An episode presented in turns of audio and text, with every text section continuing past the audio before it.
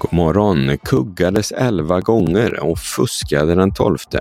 Polisinsats i Strandbaden, en man gripen och attack mot Kastrups webbsajt. Här är de senaste nyheterna från Helsingborgs Dagblad.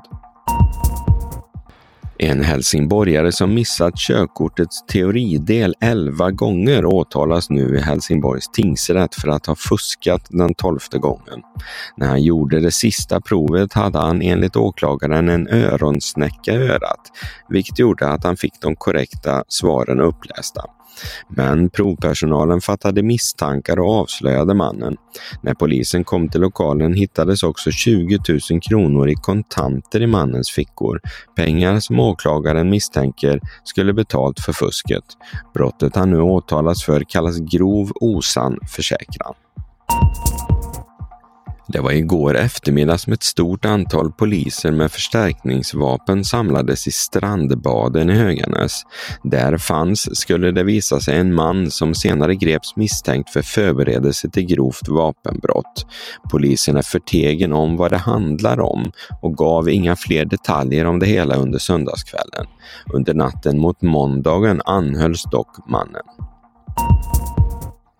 Myndigheten för yrkeshögskola har bestämt att den mycket speciella utbildningen till drönarpiloter som finns på flygfältet i Ljungbyhed får förlängt förtroende.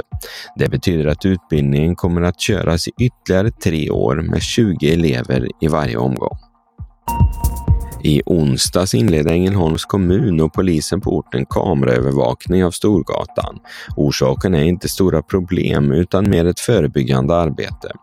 Men enligt polisen finns det på fredag och lördagskvällar ändå ett behov av kameror.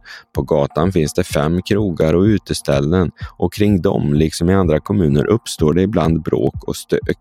Då kan kamerorna göra nytta, menar både polis och kommun.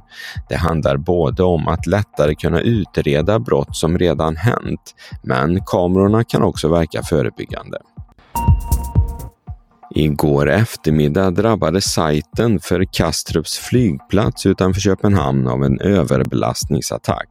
Resultatet blev att deras sajt låg nere, vilket gjorde att det inte gick att komma åt information från flygplatsen.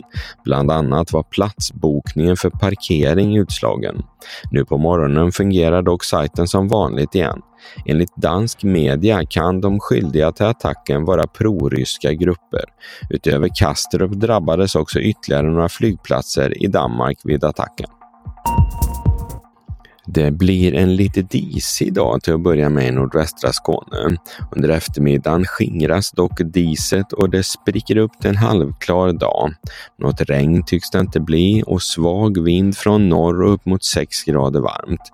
Detsamma gäller för det inre av nordvästra Skåne, även om diset släpper greppet redan vid lunchtid. Det var allt från Helsingborgs Dagblad den här morgonen. I studion Peter Färm. Läs mer på hd.se. Vi hörs!